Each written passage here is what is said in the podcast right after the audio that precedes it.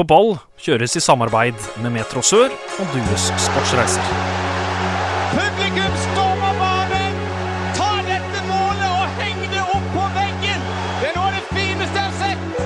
Tverrliggeren ned i bakken og opp i nettaket. Fantastisk!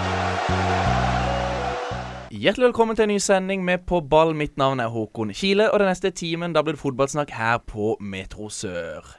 Det er 2019, og det er årets uh, første episode. Det, snøen laver ned her på Sørlandet, og jeg har fått besøk av dere som følger oss på Twitter. Dere vet at det er to Våg-spillere vi skal ha i studio denne uka her. Hjertelig velkommen, Kristoffer Robin Larsen og Sinan Maksumic. Thank you, thank you. Tusen takk, tusen takk. Kristoffer Robin, det er jo en eh, karakter i Ole Brumm. Er det noe du har hørt før? Det, det er noe jeg hører ganske ofte. Folk spør jo om, eh, om det er tilfeldig, dette her, at eh, jeg heter Kristoffer Robin, og uh, ja. Det, det er egentlig litt tilfeldig. Men hva er det kompisene dine kaller det? Nei, det, det går mellom Chris, Kristoffer Krigeren. Krigeren meldes det fra Sinan her. Maskinen. Eh, Jeg bruker Chris. Hva driver du med om dagen? Til, til daglig så jobber jeg som eh, vernepleier slash miljøterapeut i barnevernet, og litt på psykiatrien her i Kristiansand. Er det lange dager? Eh, det kan være lange dager, det kan det. Eh, men eh, jeg jobber turnus, så når jeg er på, så er jeg på, og når jeg er av, så, så er jeg flink til å, å koble av. Og hva med det, Sinan? Har du fått brukt uh, den julegaven du kjøpte til deg sjøl tidlig i desember? For du var ute på XXL og kjøpte ski. Det var jeg. Da sto du i kassa der, og da må jeg ut på ski i vinter. Ja, men har du fått brukt det? Eh, to ganger. To ganger. Men jeg har ennå ikke sett Nå har jeg akkurat flytta til Vågsbygda, og jeg har ennå ikke sett uh, ei lysløype der. Er det skispor i Vågsbygda? Ikke som jeg vet, men nå er jo ikke jeg den eh, mest informative skiløperen. Chris, vet du om det er noen skiløyper i Vågsbygda? Eh, jeg tror du må ut til Voiebyen, så tror jeg kanskje du kan finne noen eh, OK eh, skiløyper.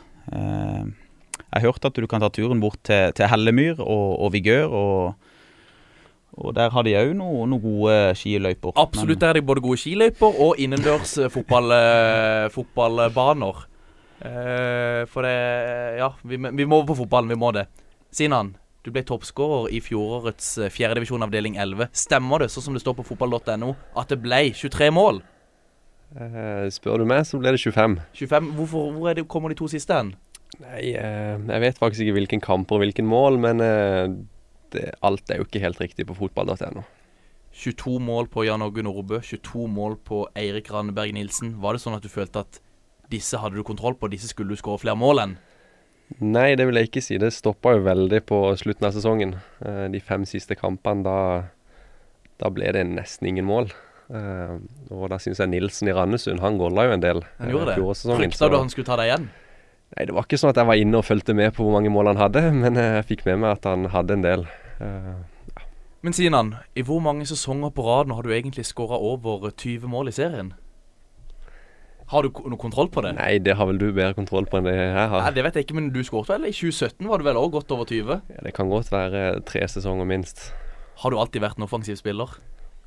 Ja, det vil jeg si. Jeg har spilt, eh, spilt mange posisjoner, både bak og fram. Og apropos flere posisjoner, dere to spilte jo midtstoppere sammen mot MK i det som på en måte ble Hva skal vi si, en slags seriefinale. Chris, hvordan var det å ha Sinan ved siden av deg i midtforsvaret?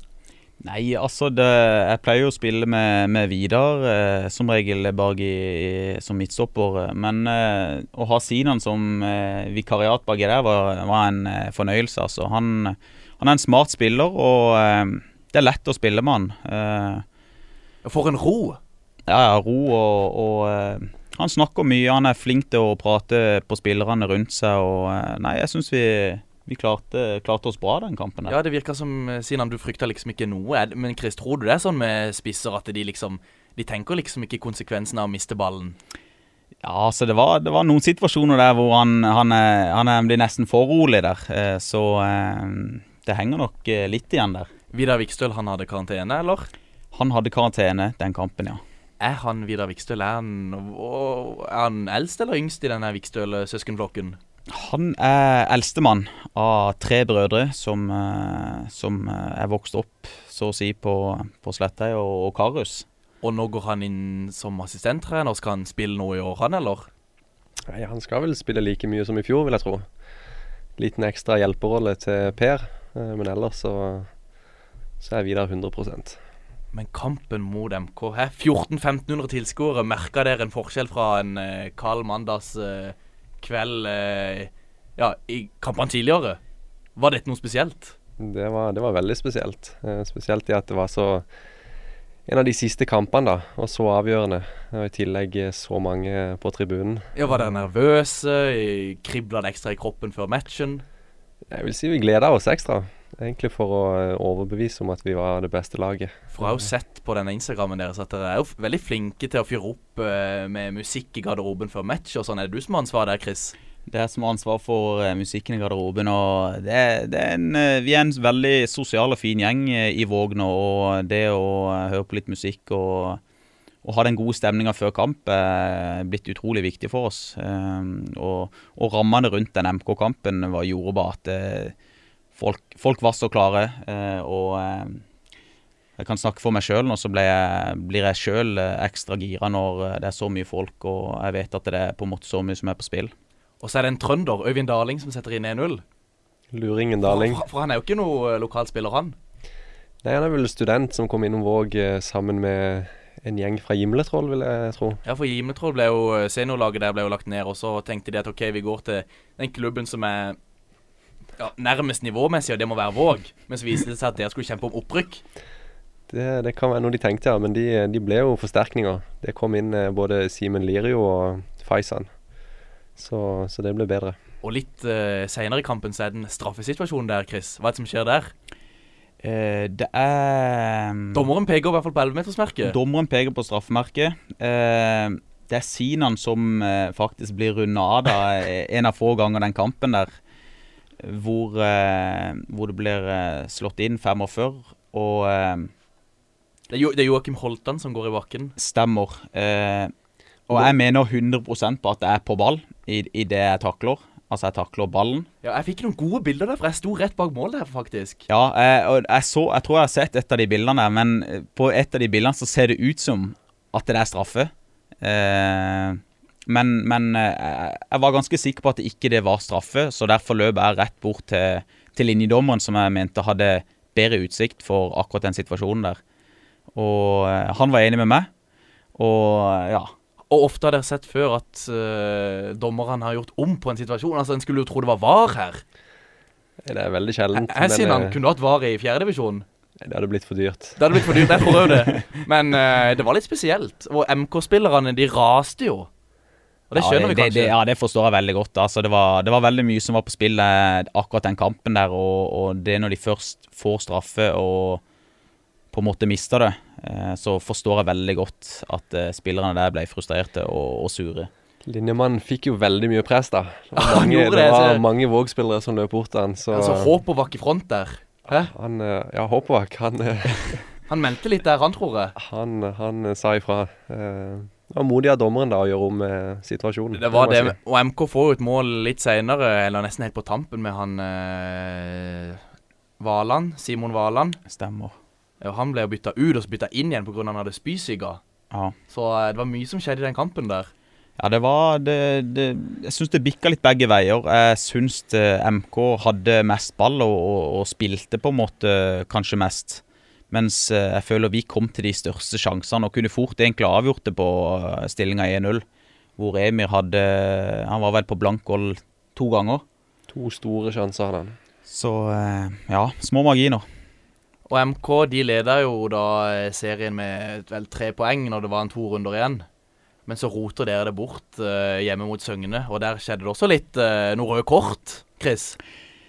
Ja, altså jeg vil jo si at eh, kampen før eh, MK-kampen så møtte jo vi Jerv på Karus. Og, og vi møter jo nok en gang et veldig sterkt Jerv 2-lag eh, som jeg syns igjen er litt sånn Det er litt kjipt i og med at vi er i den eh, situasjonen vi er i.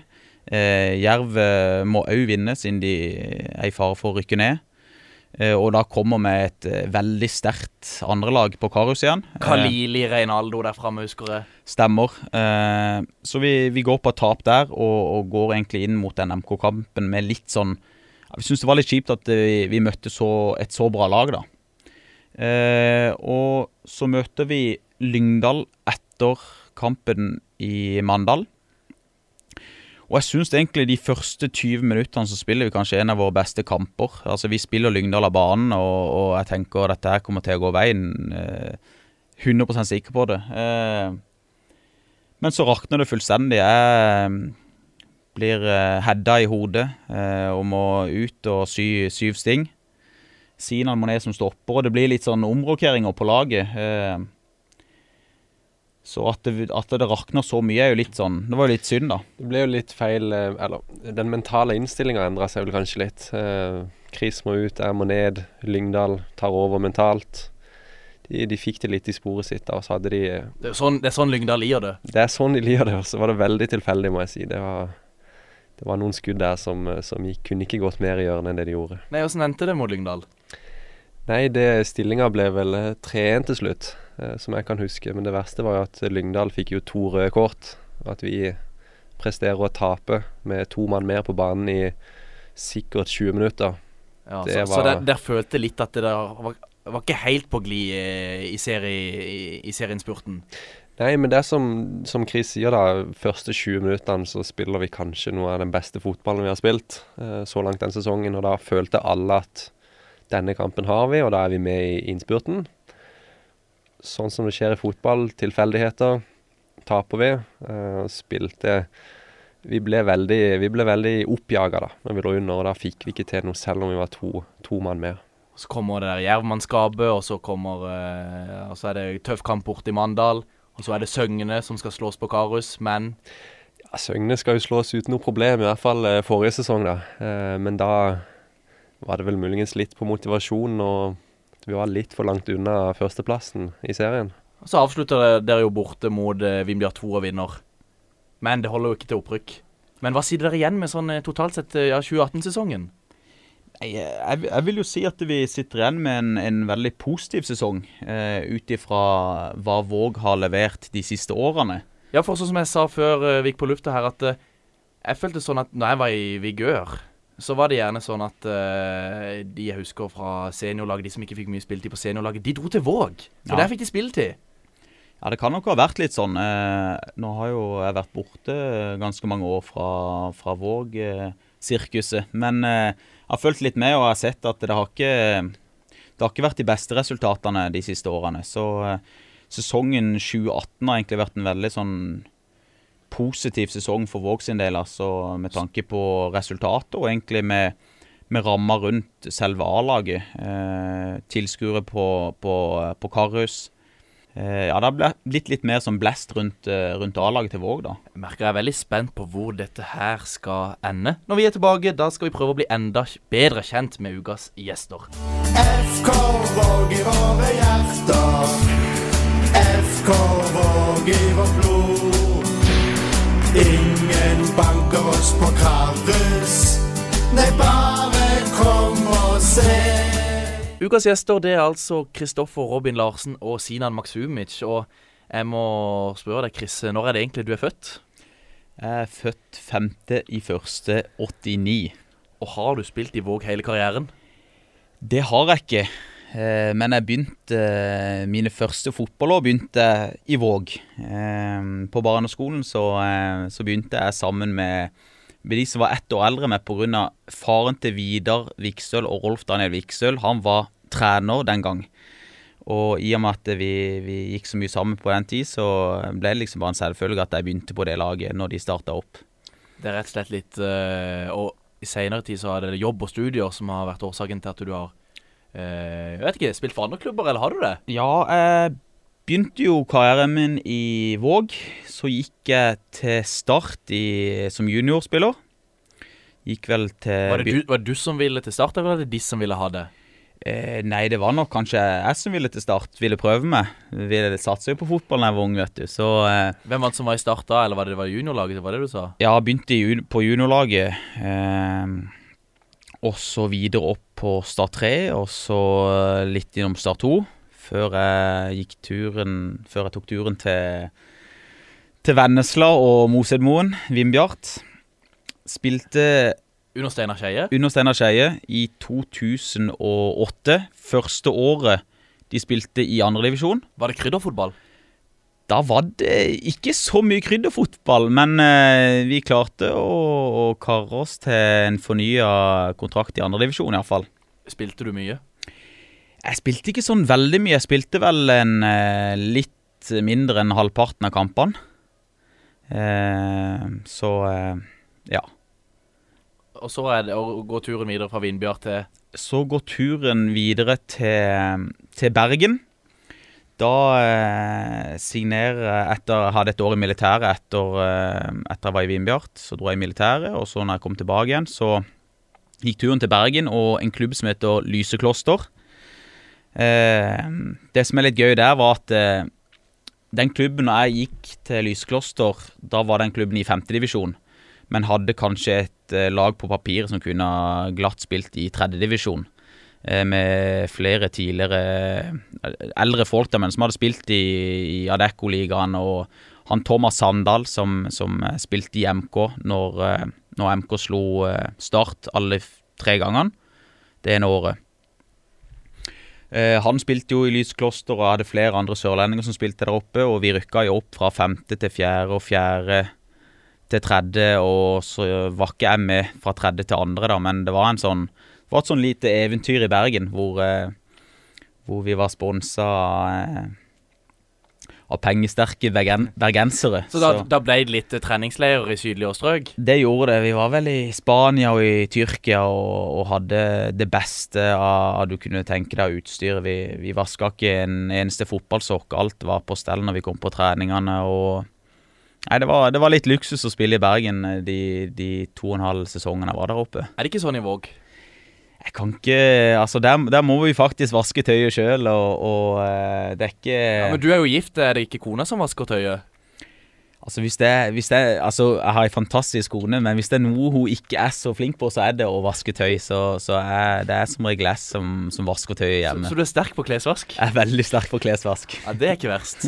Men, eh, men eh, når er du tilbake igjen i Våg? Eh, etter å ha hatt eh, to år, to og et halvt år i Bergen, så drar jeg til, til Sogndal, Saftbygda, for studier. Studerer vernepleien der oppe, og der signerer jeg for en fjerdedivisjonsklubb som heter Kaupanger. Spiller der en og en halv sesong. Hvordan var fjerdedivisjonsnivået der kontra her i Agder? Jeg vil si at det var eh, Altså, jeg vil jo Jeg mener jo at Agder sin fjerdedivisjon har blitt veldig bra nå. Eh, Så hvis jeg sammenligner de to, så vil jeg si at Agder sin avdeling er, er mye bedre enn den som er oppe i Sogn og Fjordane. Eh, Ja, så vender jeg snuten sørover etter fem år på Vestlandet og, og, og flytter tilbake igjen til, til Slettheia. Og, og, og Våg er jo selvfølgelig Da vurderte du ikke noen andre klubber på Sørlandet? Nei, jeg gjorde egentlig ikke det. Jeg, var, jeg trente faktisk med, med vigør ei lita uke etter jeg kom hjem til Kristiansand, men det var egentlig kun pga. en god, en, en god kompis eh, som spilte der da, eh, Ole Marius Gundersen. Eh, som spurte om jeg ville komme og, og se hvordan forholdene så ut på, på Hellemyr. Men eh, jeg merka det at eh, det å spille på Brun Arena ikke var helt eh, my cup of tea. Nei, det er, jo, det er jo litt av noen eh, For å si det sånn, det er jo litt av noen anlegg Eller litt av et anlegg dere har i Vågsbygda her der med Altså det er to kunstgressbaner og så en gressbane, og så er det kommet en ny bane med Vågsby senter der òg. Det er jo Forholdene ligger jo til rette for at uh, det skal kunne spille, spilles fotball i Vågsbygda. Ja, det, altså det er jo Det er nesten litt synd at ikke, ikke Våg eh, ligger høyere enn det de gjør, med tanke på fasiliteter og hvor mange de har å ta da, hvis du tenker Slettheia, Vågsbygda og Åsane. og Det er et stort område. Sletteia, er det der du er fra, Sinan? Det er det. Og du har vært i Våg, ø, i Våg hele karrieren? Det har jeg. Starta i Våg, fortsatt i Våg, spiller fortsatt i Våg. Ja, jeg, jeg måtte gjøre litt uh, research, og jeg fant et bilde fra en match hvor vi spilte mot hverandre inne i, inn i Sørlandshallen. Ok, Husker du noe fra den? Ja, jeg husker jeg, Ikke mye, men eh, jeg fant noen bilder. Uh, det var en eh, Martin Rypestøl som sto 'Martin Rypestøl tar tunnel på Vigør Søyrebekk'. Ja.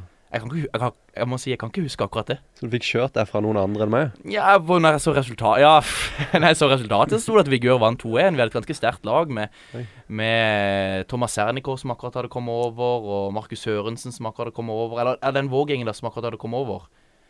Eh, på grunn av Jeg vet ikke, jeg følte at eh, Jeg vet ikke hva som skjedde i Våg, da.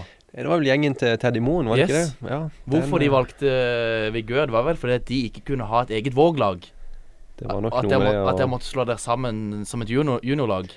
Ja, de ønska vel å fortsette utvik utviklinga alene. Eh, De ønska ikke å slå seg sammen med, med andre lag i Våg. Hva syns du om det? Det høres jo litt dumt ut, men nå skal ikke jeg si noe helt sikkert. Nå vet jeg ikke om det er det som er tilfellet. Ja, for du er 93. Jeg er 93, og de fleste av de var da 95. Ja, så, dere hadde jo blitt eh, sammen på et juniorlag. det hadde vi, og det hadde 93, vært et uh, veldig bra juniorlag. 95-generasjonen og 93-generasjonen var veldig bra i Våg, det må jeg si. Steinar Skei, han ville ha det til Vindbjart. Vært eh, noe interesse fra Vennesla. Ja, er det, er det, sender han melding til deg hvert år Eh, om å komme på prøvespill? Nei, oftere enn det. Nei, nei det bare tull. Ja, men eh, sier du bare nei, det, det har du ikke lyst til, det er jobb som står i veien, for du, du jobber i Nordea? Yes, jeg er i Nordea sammen med en del andre fotballgutter. Eh, men det er rett og slett Det er Våg som er, som er laget. Eh, jeg bor i Vågsbygd, veldig nærme, trivelig, mange gode venner. Sosialt. Hvor langt opp i divisjonssystemet tror du at du kunne spilt, eller er det kanskje Chris som må svare på det? Nei, eh, Sinan er en eh, fantastisk god spiller. Eh, det, det vet de som har spilt sammen og, og mot han. Eh, så det er nok litt opp til han sjøl hvor, hvor høyt han egentlig kunne ha spilt. Eh, men eh, han kunne Hadde han gått til Vindbjart, så er jeg 100 sikker på at han hadde bøtta inn mål for, for eh, Steinar Skeie og, og gjengen der oppe. Det er helt garantert. Tredjedivisjon, andredivisjon, Ja, tredje, det var jo ja, minst andre. minst andre. Det må vi si. Start i Obos. Ja, det er litt drøyt. Da Ja, veien til, opp til Start har vel kanskje ikke vært kortere enn han, hva han har vært de siste årene. ja, det er sant. Har du, har du vært og trent med Start? Det har jeg ikke. Har du blitt spurt? Det har jeg heller ikke. Nei. Men jeg tar gjerne imot. Så hvis, uh, hvis uh, Kjell Rekdal eller noen andre snart hører på, så, så kunne du gjerne likt å trene litt ned på Gran Canaria i disse dager. Jeg tar, eh, jeg aksepterer det, men det trenger ikke bety at jeg velger Start fremfor Våg. altså. Det gjør det ikke. Sinan, har du en spiller du vil sammenligne deg sjøl med? Um, Eller har du en favorittspiller? Ja, favorittspillere. Det, det går i Liverpool. Det er mange gode det? der. Det er mange gode der. Uh, Messi er en favoritt. Ja. Så jeg har hørt det mange ganger selv, og det kan jo gi litt mening. Eh, Robin van, van Persie. ja van Persie. Det var det jeg tenkte på, ser du. Venstrebeint Ja, du du, min, du minner ganske mye om Robin van Persie. Eh, Flere som sier det. Han, eh, han er klasse, han. ja, Men gøy at du er på Liverpool. Liverpool. Det er gøy. Gjør du òg det, Chris? Jeg gjør jo det, så eh, det, det, det, er- det er flere, flere Liverpool-supportere på laget, så eh, det er ikke rart det, det er god kjemi eh, på banen. Nei, det er første gang hele studio har uh, hatt eh, felles favorittlag, så det er gøy. Ja, Så går det jo bra i disse dager òg, men nå skal vi ikke skjære helt ut, for det er jo lokalfotball vi skal prøve å holde oss til. yes. Har dere et beste minne i Vågdrakta? Eh, lagmessig eller Ja, hva, personlig? ja hva, hva, hva husker du best fra tida i Våg? Eller om det er noe, ny, noe noe nylig? Er det kampen mot MK, eller er det en kamp som juniorspiller? Hva er det? Nei, det er noen høydepunkter. Ehm, det var mye satsing og mye hard trening som eh, 14-15-16-åring. Eh, guttefotball spilte vi NM, kom veldig langt. Eh, gikk helt til kvartfinale, mener jeg husker, slo ut Odd Grenland. Det var jo veldig det var et høydepunkt. Møtte vi Vålerenga, de ble dessverre for sterke, men da spilte vi jo mot Håvard Nilsen og noen store talenter der, så det var jo spesielt. Var det noen andre kjente på Våg-laget som du spilte sammen med da? Uh, ja, jeg kjente jo alle. Ja, ja, men sånn som for de som uh, For, for lyttere. Uh, ja, Sean var på laget. Sean McDermott. Ja, en god kjendis. Så han holdt buret tett. Ganske. Ja. Han var vel ikke da når vi spilte NM, da hadde vel han kanskje gått allerede. Ah, ja. Men han var jo i den guttetida der, gutte 14-15, og helt til han ble for god for oss. Så var det jo Delgado og Hadde vi noen flere? Har du noe Eh, kontakt med Delgado i dag? Han er vel i USA? Ja, vi er gode venner, Delgado. Eh, Ja. Jeg møtte han på Shapes. Han skulle bare løpe en, eh, hva var det, 10-15 minutter før flyet gikk. ja. Så han trener i hvert fall mye fortsatt. Han trener. Nå er det sesongoppkjøring og mye løping i USA. Chris, har du et beste minne fra tida i Våg? Jeg spilte jo bare guttefotball egentlig før jeg forsvant og kom tilbake som, som senior. Eh, Vi hadde et eh, Altså, vi, vi var veldig gode som, eh, som, som guttelag. Vi hadde Vi slo alle. Det eneste laget vi, vi sleit litt mot, det var som regel Vigør. Eh, da møtte vi jo Christer Kleiven og Ole Marius Gundersen og, og co. Så da, da toppa vi som regel lag og henta ned Espen Børufsen siden han spilte på et annet Våg-lag, da. Men eh, de viktige kampene som spilte han på vårt lag. Og, og da, var, da var det vanskelig å slå oss. Det tror Eh, jeg. Men, men utenom det så, så har jeg nok hatt de, de største sånn høydepunktene i, i, i andre klubber enn Våg. Men høydepunktet var nok eh, Fra årets sesong var nok eh, borte mot MK, hvor, eh, hvor det var så mange folk som var så på. Vi, ja, det var egentlig rammene rundt hele den kampen da, som gjorde at det var, det var, en, var en veldig gøy kamp. Sinan, kom du på noe? Ja, altså årets sesong, det var jo hele sesongen er en høydepunkt. Spesielt eh, andre halvdel. Eh, flere kamper der. Jeg syns lagmessig så slår Arendal 1-0 på Karus. Holde nullen mot et såpass bra Arendal-lag. bli blir spilt eh, så langt eh, nedpå. Samtidig vinner vi 1-0. Eh, Mm. Som Chris sier, MK-kampen var stor. Ekspresskampen, da? På Karus? Ja, den var så lenge siden. Den var veldig gøy der og da. Eh, Ja, lyset gikk, og Lyset gikk, og det ble mye krangling. Hva skulle vi gjøre? Ja, hva, hva, hva, ville dere? For å være helt ærlig, så, så hadde det ikke så stor betydning. Det var, Det lå under eh, to Nei, tre det var vel 2-1. Vi 2-1, lå under ja. ett mål 2-1 eller det. 3-2, nå husker jeg ikke. Ett Ja. mål var vi bak. Ja, og så gikk lyset, så må de spille kampen noen dager seinere. Ja, Eller, det siste- gjensto- eller de siste minuttene. Ja, det var vel to minutter der, og da skårer jo Ekspress. ja, skårer Ekspress. Det var litt som forventa. Noe vi egentlig ikke ønsker å Noe vi ikke ønsket å si til folk, da. Men på to minutter så er det alle mann i angrep, og da åpner det seg motsatt vei. Ja, for eh, Per eh, Coach Per hadde en plan. Ja, Vi hadde en plan, men vi fikk aldri Det begynte jo med et innkast, om jeg ikke husker feil, og da fikk vi aldri kontroll på ballen. Innkast ble til et nytt innkast, og så ble det til noe duellspill, og så var de gjennom og skåret. Jeg satt og så kampen på, på Fevennen. Mm. Og jeg så det Det var vel Steffen Stenersen som var ute for Feven da og ville ha et par ord med, med Per eh, etter matchen. Men han var ikke så veldig snakkesalig, Per Danefelt. Dårlig taper. Ja, er han ikke noe sånn glad i å snakke, og er han generelt sett sur? Nei, Han må jo først bare slippe seg løs. Når han først slipper seg løs, så har mange morsomme historier og gode fortellinger å komme med. Er han en bra trener? Han er en god trener, kan Ja. mye fotball. Uh, ja. Men har han, er det sånn at han har vært litt linka til MK i det siste, eller blir han værende i Våg 2019? Eller eh, har dere ikke lov til å si noe om det? Nei, vi lar han ikke gå. Det lar han ikke gå. Nei, rett og slett. Nei, Han har, han har begynt på et prosjekt der nå som han, han er nødt til å fullføre. og uh, Du må nok uh, du, Han kan nok eh, oppleves som litt skummel hvis ikke, du, hvis ikke du kjenner han, men hvis du først kjenner han, så er han en, eh, en bamse. Han eh, han, eh, han slår en spøk i ny og ne, men han, han har en, et ekstremt vinnerinstinkt. Altså, han Han skal vinne uansett. Altså, han ja, han er nok den, den gamle, gamle skolen som, som Som gjør alt for å vinne, da. Kan godt lede, lede 4-0 til pause, og fortsatt, eh, fortsatt så er ikke han helt fornøyd. Nei. Nei, Jeg skal prøve å gi, jeg skal prøve å gi eh, Per litt eh, tid der, altså. Når vi er tilbake, da må vi ha litt uh, lytterspørsmål. Endre Thomsen, det begynner å fylle seg opp i idrettsparken her nå. Tror du, tror du på seier i dag? Du er helt eh, overbevist. 1-0 til pause og 4-0 til slutt. Garantert. Og MK de rykker opp til tredjedivisjon. Ja, der må de være. Har de noe å gjøre der? Ja, definitivt. Det er noe å gjøre i andredivisjon òg på sikt. Og hvor mange, hvor mange blir det her i dag, tror du? Mellom 1000 og 1500. Du må ha en riktig god kamp. Takk i like måte.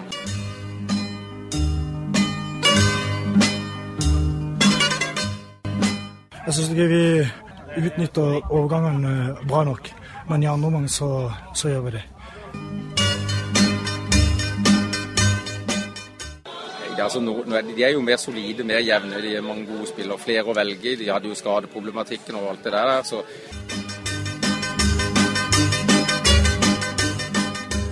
Vi må nå kjøre litt uh, lytterspørsmål, og eh, først ut så er det Espen Esse og Fancy Sørland som spør eh, Har dere noe eh, forhold til Fancy Sørland først og fremst? Er dette noe gutta spiller? Det er noe gutta spiller mange på laget. Eh, nå gleder vi oss til ny sesong da, og forventer muligens enda litt bedre sider og litt eh, bedre system. Litt vanskelig å navigere seg rundt. Ja, Hvem i vår garderoben er den beste fancy-spilleren? Det kan både være Fancy Sørlandet, altså PL Fantasy. Er det en som er fancy nerd? Jeg er nok mer eh, fancy Sørlandet-nerd enn jeg er Premier League-fancy. Høres ut litt som Edde. Ja, eh, men det er Man har, jeg har Jeg kjenner nesten bedre til spillerne på Sørlandet enn det jeg gjør i, I PL. i PL. Satte litt på spissen, da, men eh, Nei, jeg syns det, det at eh, Fancy Sørlandet har kommet, har nesten gjort det mer eh, attraktivt å, å spille i fjerdedivisjon. Og det er nesten sånn at du du vil ikke opp ett nivå nå pga. du har lyst til å være med på Fancy Sørlandet. Eh, nei, jeg syns det, det er helt rått, og det konseptet der tror jeg bare kommer til å, å vokse. Men er det du, Chris, som er best, eh, den beste Fancy Sørlandet? Spilleren altså, til å spille spillet? Eh, jeg tror Iallfall i Våg så tror jeg kom høyest. Eh, men, eh, men utenom det så, så tror jeg sånn midt på treet. Altså, jeg røyk på noen smeller når jeg valgte spillere fra andre lagene der når de plutselig ikke spilte, og så Det- plutselig spilte de. Også, Det, ja. det er du ikke alene om. Men Chris, eh, er Sinan et must have? Må han på? Han må på. Eh, han er jo eh, Det er jo garantert 20 mål hver sesong, så om det går en kamp hvor ikke han skårer, så, så er det lurt å bare ha han på laget, altså. Ja, hvis han, men hvis han skulle koste eh, 15, da, 15 millioner, er det for mye? Altså, Sier han er en, eh, si han er en Kane eller dyrere enn Aguero. Ja, det, det, det, det er en spiller som, som Han binder jo opp mye midler. Han gjør det, han gjør det. Eh, så selvfølgelig eh, Men, men eh, hos meg så er Sinan et, eh, et sikkert valg, altså. Det, det er det. Ja, jeg tenker også det. Det er greit å ha en spiss du kan eh, kjøre som kaptein hver uke, som Ja. leverer. Sinan, hva tenker du sjøl? Nei, altså 14-15, det var litt drøyt, det må jeg si. Okay. Jeg syns det er altfor høyt. 12 er en fin pris, det kan jeg jo si. Jeg kan gå med på det. Ja. Uh, Er du sånn som har deg sjøl på laget? Uh, Eller spiller du det? Ja, jeg spiller det for å prestere bedre, muligens. Kap setter meg selv som kaptein, og da er jeg litt mer brutal foran mål. da. Det tror Har jeg. eh, litt mer ego og litt mer uh, Det tror skudd. jeg. Chris, var høstsesongens tre mål et blaff, eller kan vi, kan vi forvente det samme i 2019? Nei, eh, nå skal ikke jeg si for mye her, men eh, jeg har jo spilt eh, offensivt tidligere. At, at det ble tre mål, er jo egentlig ja, Jeg syns ikke det var et blaff, men eh, nå går jo jeg oftest bare opp på corner, så det er som regel der jeg skårer målene nå. Men eh, hvem vet, kanskje du ser meg i en, eh, en defensiv midtbanerolle eller et eller annet i, i, nå i 2019. Så vi får se. Det er jo det, Chris, det er jo ikke alle som får med seg det, men jeg ser jo Chris hver dag på trening. Han har en veldig god høyrefot. Han er veldig god til å sette ballen i mål. Hvis han bare er foran eh, motstanders boks og, og får ballen eh, godt plassert, så legger han han i hjørnet garantert. Og med Tor Larsen òg inn som en nysignering, så er det, er det kanskje dere tre man må ha på sitt eh, fancy-lag, da? Ja, er det maksimalt tre spillere Ja, det, på dette spillet? ja, det er vel det. Jeg, har ja, Ja, jeg, tror ikke jeg har fått til å ha fire inne. Nei, Tor Larsen, eh, han er Han tar vel noen corner og noen frispark og. Han har bra høyrebein. Han, eh, han treffer deg. Det er bare til å gå på gode løp og finne en god posisjon, og så får du ballen fra Tor. Så Kan, blir nok en del kan i hvert fall forvente en link mellom han og det. Det er jeg ganske sikker på. Noen få treninger, Tidlig innlegg der på, på, på bakerste der, eller på første stolpe der, tror jeg kan Tor, eh, Tor treffer der hvor han skal treffe. Blir det opprykk på Våg eh, 2019? Har dere noe mål som dere har lyst til å gå ut med? Eh, klubben har jo egne mål. Ja, Flekke, Eh, Flekkefjord sa nå sist at de hadde mål om topp tre. ja. Ja, vi, vi har vel ikke lyst til å, å, å havne dårligere enn vi havna i 2018. Eh, så, så, så bedre enn det vi havna på i fjor, må, må vi egentlig Så da er det topp tre for dere òg, da. ja, jeg syns vi ser bedre ut i år enn det vi gjorde i fjor. Det må jeg si. Eh, Ligaen, eller serien, ser eh, ikke så veldig sterk ut i år, det må jeg få lov til å si, i forhold til i fjor. Eh, det har gått opp et lag, ikke kommet ned fra tredje. Kommer flere opp fra femte. Eh, vi har forsterka stallen litt, så Det ser spennende ut. Jeg vil ha et uh, Da vil jeg bare ha et svar. Hvilke av lagene i tredjedivisjon avdeling 3 kommer høyest opp av eh, Don, Start 2, Vindbjart, Fløy og MK? Jeg tror eh, Fløy eh, Rett opp igjen. kommer til å Ja, hvis ikke de Jeg tror Fløy blir veldig sterke. Vindbjart leverte jo en veldig sterk eh, eh, høstsesong. Jeg tror òg det. Fløy, det er jo litt forventa at Fløy skal slå tilbake. Eh, Vindbjart fikk jo en del nye spillere før fjorårssesongen. Eh, så fikk de jo en litt vanskelig start, men så ser det ut som Steinar Skeie har fått inn eh, spillestilen sin, og da slo de jo til mange med mange trepoengere siste halvdel. Så at det kommer til å stå mellom Fløy og Vindbjart om å være det beste sørlandslaget i tredjedivisjon avdeling 3, det er det ingen tvil om. Det vil jeg tro, ja. Hva tror dere om eh, tidligere Lyngdal-keeper Aron Lindstrand eh, i Sola? Han som sto i mål for Lyngdal, siden du, du har vel skutt litt på han? ja. Han skal jo til andredivisjon nå. Kjenner han ikke sånn kjempegodt, Men er, er han bra? Er Han er god. Eh, han sto vel òg i mål da nå sist kamp når vi spilte. Da hadde han noen eh, vanvittige redninger, det må jeg si. Eh, trygg, rolig keeper. God til å lese skudd. Så det er ikke en spiller som kommer til å gjøre seg bort i andredivisjon? Nei, absolutt ikke. Ser dere noe eh, på Start? Går det på Sør Arena til startkamp? Ja, jeg går eh, Det skal være fint vær. Fint det, vær. Det må det være. Eh, god form på laget. Ja. Eh, Så Obos 2019, det er ikke det som frister mest? nei, ikke mest. Jeg kan gjerne prioritere noe lokalfotball, eh, tredje-fjerde divisjon, Ja, fremfor men- men- Sør Arena. Men og Chris, er det sånn som går på Sparebanken Sør Arena for å se Start fordi dere heier på Start, eller går dere for å se lokale spillere, type Ern Segberg, Vikne, Børufsen? Ja, det, det, det er nok en, en blanding der, men jeg er nok kanskje litt mer for å se litt eh, lokale spillere. Jeg syns det er veldig gøy å følge med på, på de unge talentene vi har her fra Kristiansand, og, og, og, hvor mye bra som er i området. Når de får prøve seg på start, så er det jo ekstra gøy å kunne se de på et så høyt nivå. Hva tenker dere om at Lars Jørgen, eh, Lars Salvesen valgte Sarpsborg 08 istedenfor Start? Jeg, jeg, jeg skjønner han veldig godt, eh, i og med at eh, han, han på en måte Ble vraka. ble vraka, ja, og, og liksom ikke fikk så mye signaler på at de ville satse på han igjen, da. Eh, og da når han går til en annen klubb og, og, egentlig får mye positivt der, så, så forstår han veldig godt Ja, jeg, jeg eh, føler jo på en måte starta skutt seg sjøl litt i leggen. Ja, det, det, det syns jeg. Altså, Han gjør jo fullstendig rett. Altså, hvem som, altså Med Sarpsborg, med det eventyret de hadde i Europaligaen, så er det klart at det frister, tenker jeg. Ja, vi, meg og Sinan var jo faktisk i Istanbul og så eh, Besiktas mot Sarpsborg eh, i, eh, i eh, Uefa-cupen der. Ja, Åssen var det? Ja. Åssen var Ja. det? Nei, det var fantastisk stemning. Vi skulle i utgangspunktet da på eh, Besiktas eh, Fenerbahçen. Ja. Og det skulle jo være helt vilt, men eh, dessverre så ble kampen utsatt. Og Ja. da, da måtte vi jo på en annen kamp, og da ble det dessverre Sarpsborg mot uh, Besiktas. Satt dere med Sarpsborg-fansen? Satt dere med Besjiktas-fansen? Nei, vi satt midt i. Det var, det var VIP-plasser. og Det var fem meter bak eh, Sarpsborg-benken.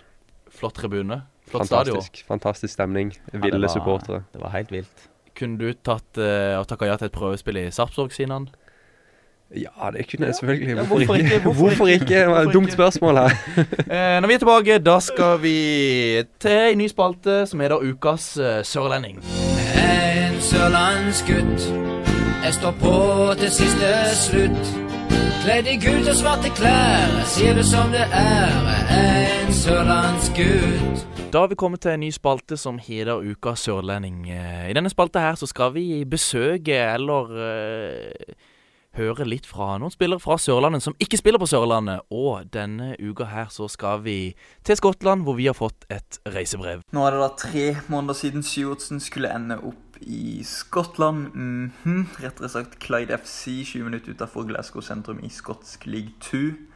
Eh, når jeg blir spurt hvem var hvor er Clyde, skal jeg innrømme at jeg ikke har 100% kontroll, men jeg var på et event her om dagen da en styreleder prøvde å forklare meg det.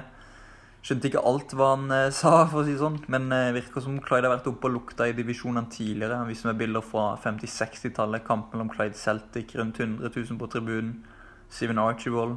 På 70-tallet starta i Clyde, endte opp i Barcelona eller noe. Stadion vi spiller på har vel kapasitet på 8000. Eh, ikke at det kommer, det. Det er vel 500-700 eh, som kommer. Eh, så ja. Det har gått litt nedover i, i nyere tid. Clyde nå i league 2, altså nivå 4 nederste liga i det som kalles SPFL, Scottish Professional Football League, som da er 42 lag i henholdsvis Premier League, Championship, League 1, League 2. 12 lag i øverste liga, 10 lag i påfølgende tre ligaer.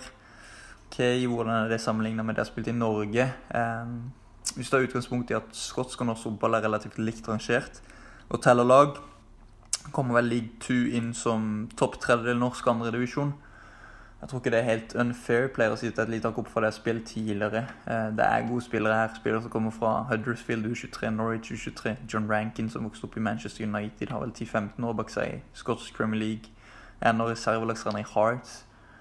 Likevel er nok den største stjerna David Goodwilly, som er en voldtektsdom unna å spille på høyere nivå. Er vel bare 29 år, eh, men jeg tror han har like mange kamper i Blackburn, og de var i Premier League og Championship i England, som jeg har i norsk andredivisjon. Så ja, Clyde vi ligger nå på tredjeplass, fem poeng bak serieleder. 16 kamper to go, så blir det en meget spennende siste halvdel. Eh, trives jeg i Sekkepipeland, da. Eh, skal innrømme at jeg savner hjem litt av og til. Samtidig er jeg veldig heldig som har eh, folk rundt meg. Fått meg venner ved en kirke. Bor komfortabelt med et par lagkompiser ti minutter unna stadion. Det er nordmenn i byen. Helt middels hyggelige nordmenn. Uh, Clyde-karrieren min eh, så langt er eh, Jeg skal si det er litt uforløst. Jeg føler jeg har vært bedre i trening og reservelagskamper enn i seriekamp. Eh, men jeg kjenner at jeg har nivået, at det kommer til å komme. Stevenson plukka meg opp fra gata for tre-fire måneder siden. Fungerer som min rådgiver og har brakt inn en agent i teamet som nå offisielt hjalp meg når jeg skrev min eh, første proffkontrakt denne uka. Eh, så jeg føler ting ligger til rette på en annen måte enn det er gjort. Akkurat nå handler det bare om å jobbe tålmodig mot eh, gjennombruddet. Så tror jeg at eh, prosjekt Scotland ikke ender i League 2 eller Clyde, eller hva Chile. Det var altså Kristoffer Syvertsen det om ståa i Clyde FC, og, og ja, om åssen det er å spille i Skottland. Sinan, kunne du tenkt deg å ha spilt i eh, en utenlandsk klubb, og da Skottland? Skottland er vel ikke det første som slår meg. Eh, mye duellspill og mye, mange taklinger, så passer vel kanskje ikke en tekniker. Du Chris, jeg skal, hadde Skottland vært noe for deg? Ja, jeg tror jeg elsker skotsk fotball, altså. Mye, mye takling og mye dueller og, og Litt, litt som i Norge. Litt som i Norge, ja. Jeg tror, eh, jeg tror skotsk eh, fotball har vært fint. Så det hadde altså ikke vært helt fjernt der, altså. Når vi er tilbake, da skal vi rett og slett dure løs med ukas der, men ikke der. Altså, der, er, jeg syns vi mangler litt uh, intensitet. At vi, vi, vi, er litt, vi er der, men vi er ikke der. Altså, vi, vi er der, men vi er ikke der. Altså, vi I ukas eh, Der, men ikke der, eh, så pleier jeg jo ofte å ha med meg enten John Rippland eller Anders Flatstad til å, eh, til å ja, styre den spalta der. Men Anders Flatstad han har sendt inn Det må snakke litt om Ken Remi Stefan Strandberg. Han har bytta klubb, gått til FC Ural. Midt på tabellen, borte i den øverste divisjonen i Russland. Kunne ikke han vært en mann å få inn i Start? Gutter, kjenner dere til Stefan Strandberg? Ja, jeg var på prøvespill i MK for eh, noen år siden, når, eh, når Per var, var trener i MK. Og da husker jeg at eh, Stefan var, var på noen av de treningene jeg var på. Det var han bra? Han var veldig bra. Han, eh, han spilte jo som han var 35 år når han var eh, 17 år gammel, så eh, Men Hvorfor, hvorfor dro aldri han til Start, tror du? Jeg vet faktisk ikke. Jeg tror kanskje ikke Start heller eh, viste den, den interessen for han. Eh, det er jo litt sånn som flere gode sørlendinger som har eh, forsvunnet. er jo er kanskje det at ikke de har følt seg så ønska av Start. Det er absolutt mulig. Da. Nå tror jeg også, som Anders eh, sier, at det er vel lønn som gjør han uaktuell her. At det er det, Han får jo sikkert mye mer lønn i Russland enn hva han ville fått i Start. Så det er klart at Start vil ikke Eller har vel ikke råd til å lønne spillerne på samme vis som de gjør i Russland. Ja, det er mye penger i Russland. Ja, det er, er flere spillere som har dratt til Russland for å, for nå, å sikre pensjonen sin. Men nå har jo ikke Start så lite penger, de heller. Nei, det virker som det er litt penger der òg. Men vi må videre. Eh, Søgnes A-lag skal være flaggskipet til Søgne fotball. Ny trener i Tor Jostein Dyrnes har grevelig trua. Fått tilbake Hansi Enoksen og Jesper Andersen. Martin Skaier skal muligens spille for Søgne når han er hjemme på ferie. Hva tror dere om Søgne i fjerdedivisjon 2019? Nei, Søgne de har vært eh, varierende eh, de siste årene. Eh, men som sagt, når de har eh, Når de får med seg de, de fleste og de litt mer rutinerte spillerne, da er det et eh, kanonlag. Eh, både offensivt og defensivt. Veldig sammensveisa gjeng. Som du ser, de har en god kjemi. Dere møter Søgne i årets første seriematch. Blir det seier, Chris? Eh, da blir det seier. Vi har litt å revansjere, kan man si, etter vår eh, pinlige opptreden på Karus i nest siste seriekamp. Eh, så jeg tror nok det kommer til å være et helt annet eh, våglag på banen den kampen der.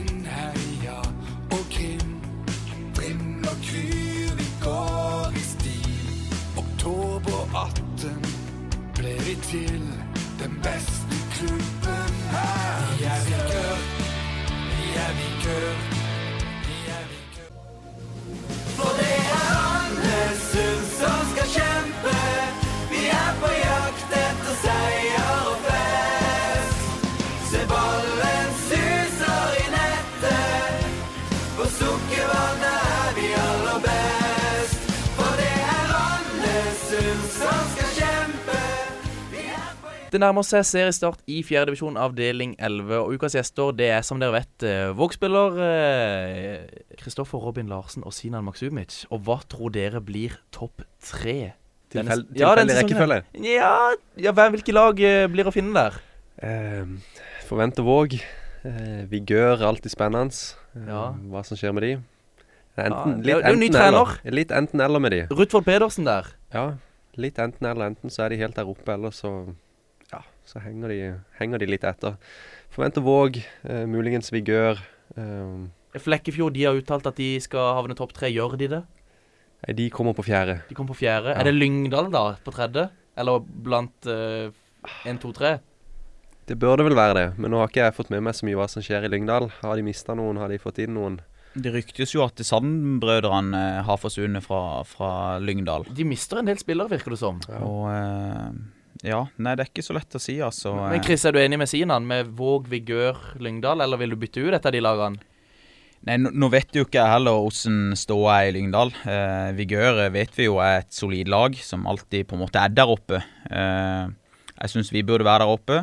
Så er det jo litt som du vet heller ikke med, med Søgne. De, de er bra når de, når de først er bra, men varierer jo veldig i prestasjonene. Fløy 2, da?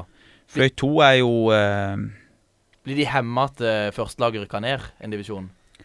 De har jo fortsatt en, en ganske bred tropp, eh, så det vil jo si at det kommer eh, habile spillere ned på andrelaget og spiller kamp.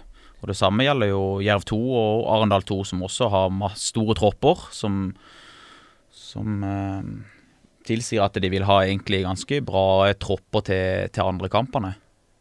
Så, men Chris, du er ikke uenig når Sinan sier uh, Våg, Vigør og Lyngdal? Det er ikke noen av de du vil bytte ut? Uh, Ikke enda? ikke ennå, vi får se. Spiller litt Eh, treningskamper først. Ja, men hvem, hvem, hvem rykker ned, da?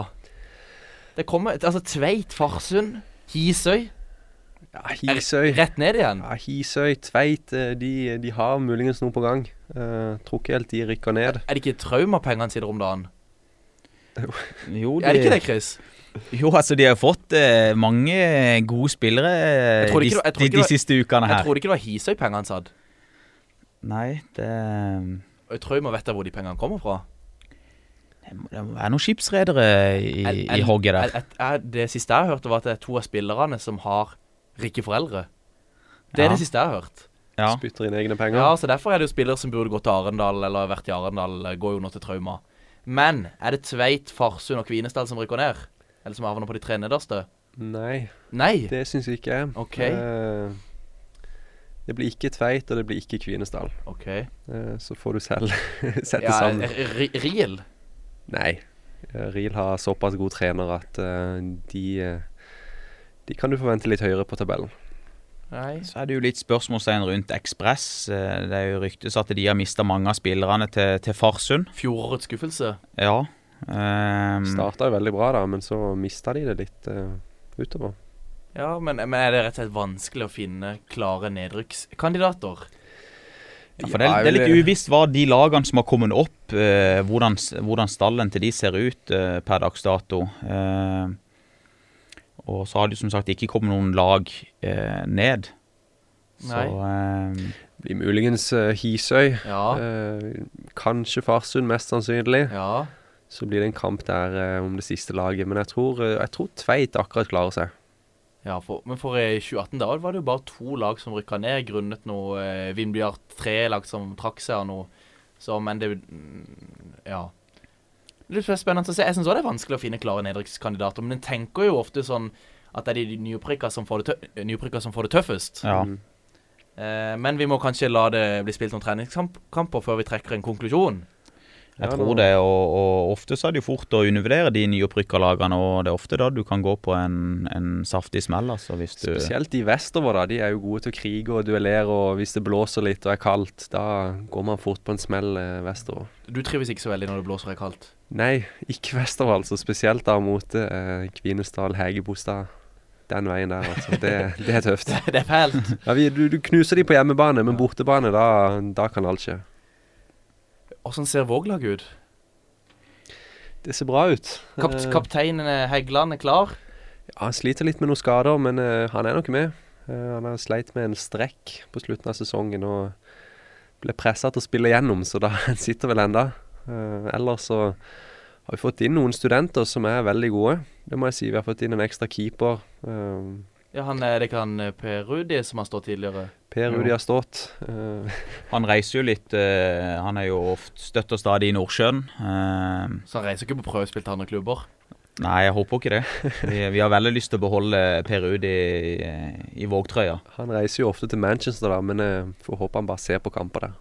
Litt andre grunner der, altså. Men uh, Tor Larsen inn, og så var det en spiller til som ble uh, annonsert på Instagrammen. Ja, Tor Larsen og, og Steffen Finsådal. Uh, begge gode kompiser av meg. samme årsgang. Spilte jo sammen med Steffen Finsådal i, i, Bergen i to år, og kjenner godt til han. Hvilken spillertype er det? Det er en stopper. Høy. rolig med ball. fotballsmart. Det er drømmen for Chris det her, så får han lov til å spille litt lenger fram i banen. Hvis Steffen Så jeg, hent, jeg henter inn stopperen, og så jeg kanskje kan flytte meg litt høyere opp i banen. Chris uh, Sinan sa jo det at han var en slags eh, Robin van Persie. Er du, Hvordan type er du? Er du en slags eh, Sergio Ramos? Ja noen, noen, vil jo kanskje si det, men ja. uh, jeg, jeg, vet ikke om jeg kan uh, sammenligne meg med noen spesielle spillere, men det hadde, det hadde, vært gøy å spille litt høyere opp. Jeg kjenner jo det i noen oppgjør. Eh, men selvfølgelig har det vært veldig gøy å spille midtstopper sammen med, med, med Vidar Vikstøl, som jeg egentlig begynte å spille fotball med når jeg gikk på barneskolen på, på Sletteheia skole. Emir Håpervak, er han klar? Eh, nei, nei, det vil jeg ikke si. Nei, Har han noen ryggproblemer, eller? Ja, Litt ryggproblemer, litt motivasjon. Eh, litt pause, litt vinter. Han er mest glad i å spille inne, futsal? Han er mest glad i finere, varmere temperaturer. Det tror jeg på. Det tror jeg på. Eh, hva er den eh, beste plassen å komme til i 4. divisjon avdeling 11? Utenom Karus? Nei, altså Jo lenger du må reise, jo, jo verre er det, syns jeg. Ja. Eh, spesielt vestover igjen, da. Så det beste for deg, siden han er rett opp på Hellemyr og på Brun Arena? Hellemyr er fint. Fin stadion, eh, fint anlegg. Eh, skulle bare ønske de hadde garderober i det nye anlegget. Ja, det er det mange som har undret seg over ja. hvorfor det ikke er, men Det er fint. Ja. Arendal, en fin plass. Men litt langt. Men, men jeg, jeg, må jo si det å komme i parken i, i Mandal, den gressmatta de har hatt der oppe i i sesongen som var, og i, egentlig i alle sesongene som har vært. Så det er jo fantastisk å kunne spille på en så fin gressmatte i 2018. Flørter du med MK nå? Nei, nei, MK, der er det vel litt penger, Chris? Ja, men jeg, jeg, jeg, Sinan, du har blitt flink til MK. Hæ? Hva de gir deg? Er det bil de gir deg? Nei, det har ikke jeg fått med meg. Er det ikke bil? Jeg har hørt det. De prøver å lokke litt spillere med sånn eh, biler og båter, holdt jeg på å si. ja, det, det, det, er biler, det er bilpakke de har. Jeg må, ha et, jeg må ha et fly. Ja, Kjøregodtgjørelse holder ikke? Nei, fly. Fly, fly. må til. Ja, det, Spare tid. Det høres fornuftig ut. Du jobber jo i bank, så du vet åssen uh, en skal forvalte pengene. Det vet jeg. Eh, ja, Brun Arena, Chris. Nei, eh, Brun Arena er gøy å spille på. Søgne, da? Søgne er jo en tøff bortebane å spille på gresset ute i Søgne. Alltid, alltid tøft. Vi spilte borte mot Søgne i i fjor, da var, da var, den banen så tørr at du Ja. Det, det var tørt og, og, varmt, og Nei, det var fryktelig å spille der borte, og Så der, der lier, det der sier dere lier dere helst lokalt, og så gressmatta i Mandal. Men hvor er det verst å dra hen? Forbi Mandal og vestover. Forbi Mandal vestover, der trives ikke Sinan. Mange prater om Gressbanen oppi Eggebostad. Ja, Eggebostad eller Flekkefjord, det, det, er tungt det òg. Og det er ikke de største garderobene oppe i Flekkefjord der. Hvem er verste motspiller, da? I avdelinga? Yeah. Eller, ja? ja det, det, er vanskelig å si akkurat det. En spiller er jo eh... Eller hvem synes, hvilket lag syns dere er tøffest å møte? Jeg syns jo Lyngdal er tøff å møte, ja. av flere grunner. Um, Espen Hægeland? Ja, mye duellspillere. De er først og fremst er de jo ganske gode. Når du møter et godt lag, så, så, blir man jo litt ekstra frustrert. Så for det første så er de gode. For det andre så er de gode til å duellere, krige. Og så har de det i kjeften også. I tillegg så har de en del publikummere som hiver seg med. Så da er det komplett pakke. Er du enig, Chris? Ja, Lyngdal er nok en av de, de lagene hvor det er mye tøffe dueller og og, My, mye, ja. mye, verbalt, for å si det sånn. Ja, men Så ser jeg også for meg at uh, når andre lag stiller med mye førstelagsspillere, så er ikke det helt uh, fett, det heller. Nei, det, det har jo vi egentlig kjent godt på denne sesongen her. Eh, vi har vel egentlig begge gangene vi møtte Jerv 2, så kom de med veldig sterke lag. Og det samme gjorde jo egentlig Arendal òg, ja. Eh, Jeg skulle akkurat si at det var fint å reise til Grimstad og spille. Eh, blir fint tatt imot, men eh, du blir gjerne knust. Eh, så da Men- trekker det veldig det, det, det er en korv med litt frukt der også. Ja, men- så men- ser du lagoppstillinga, og så tenker du Og Spiller dere da på kunstgresset ved siden, eller er det på gressbanen? Det er kunstgresset. Det er kunstgresset. Ja. Men, eh, men eh, det er egentlig Når jeg snakker for meg selv Jeg syns det kan være gøy å spille mot de andre lagene hvor du, hvor du har litt eh, gode spillere å, bryne deg på. Men ikke elleve. En fire-fem A-lagsspillere, eller innbyttere på A-laget da, eksempel. Men ikke elleve. Men ikke elleve. Det var, vi slo jo Arendal, som jeg sa. Det var, de stilte bra, og da Den var jeg fornøyd med. Til slutt, før vi går inn på eh, drømmelag eh, På hvilke medier må man følge Våg denne sesongen? Jeg er helt klart på, på Instagram. På, på Vag A-lag. Hva får vi servert der? Nei, eh, vi, vi, vi vil prøve å, å dokumentere litt mer fra, fra garderoben og før og etter kamp. Og så skal vi prøve å bli flinkere til å, å dokumentere når det ikke går så bra. Det, det er ikke alltid like lett, eh, så det er kanskje bedre at flere har ansvar for den Instagram-kontoen i og med at eh, ja, vi har noen eh, dårlige tapere på laget, og eh, det frister ikke å ta fram mobilen eh, og filme i garderoben når du har gått på et tap. Jeg skjønner det, men uh, jeg syns det er i hvert fall gøy å følge Våge. Jeg Sinan smiler òg. Jeg tror han også syns det er gøy at uh, han blir tatt litt bilder av. og Jeg tror det. Nei, Instagrammen er kul. Ja. Uh, det skjer mye. Eh, Ja, jeg syns òg det er musikk der i garderoben, og det er ikke så mye som skal til for å hva skal jeg si reklamere litt og For jeg vet ikke, føler dere at dekninga på fjerdedivisjon i Agder er bra? Den er, den er overraskende bra. Den har jo blitt bedre i det siste. Eh, spesielt med denne podcasten og Fantasy, da. For du er en fast lytter, Sinan. Eh, ganske.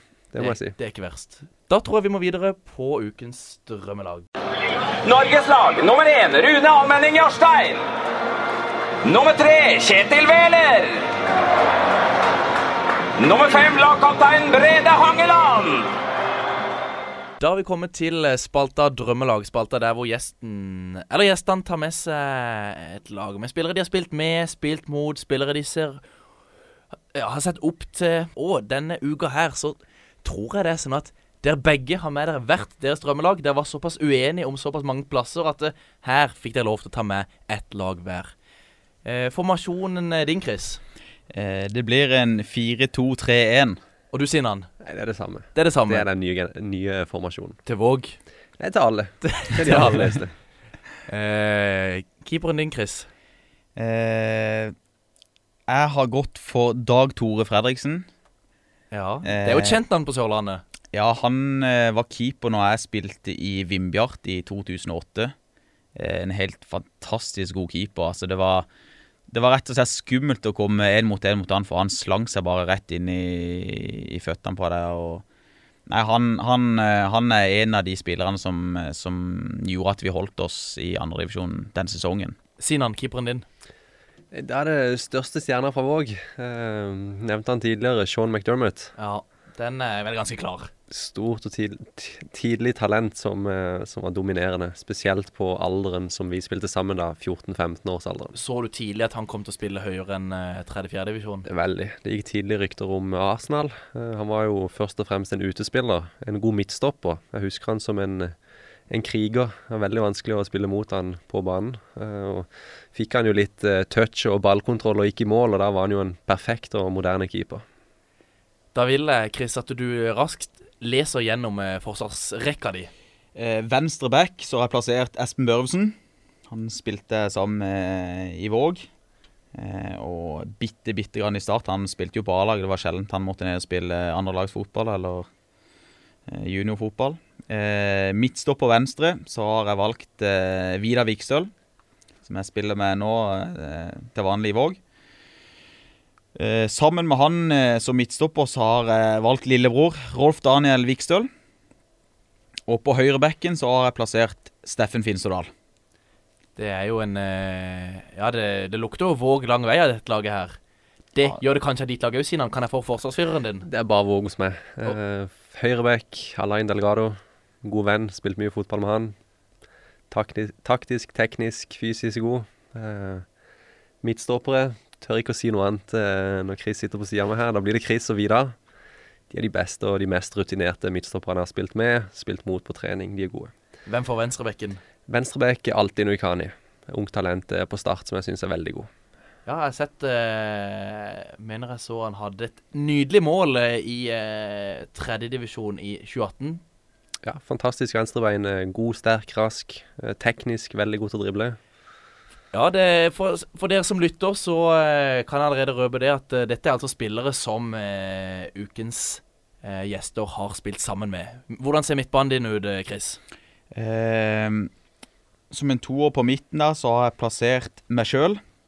Og på midten? På midten, ja. Sammen med Rune Hægeland, som har vært vår kaptein i, i Våg. På høyrekanten så finner du Raymond Hofsæter. Spilte med han i Vindbjart.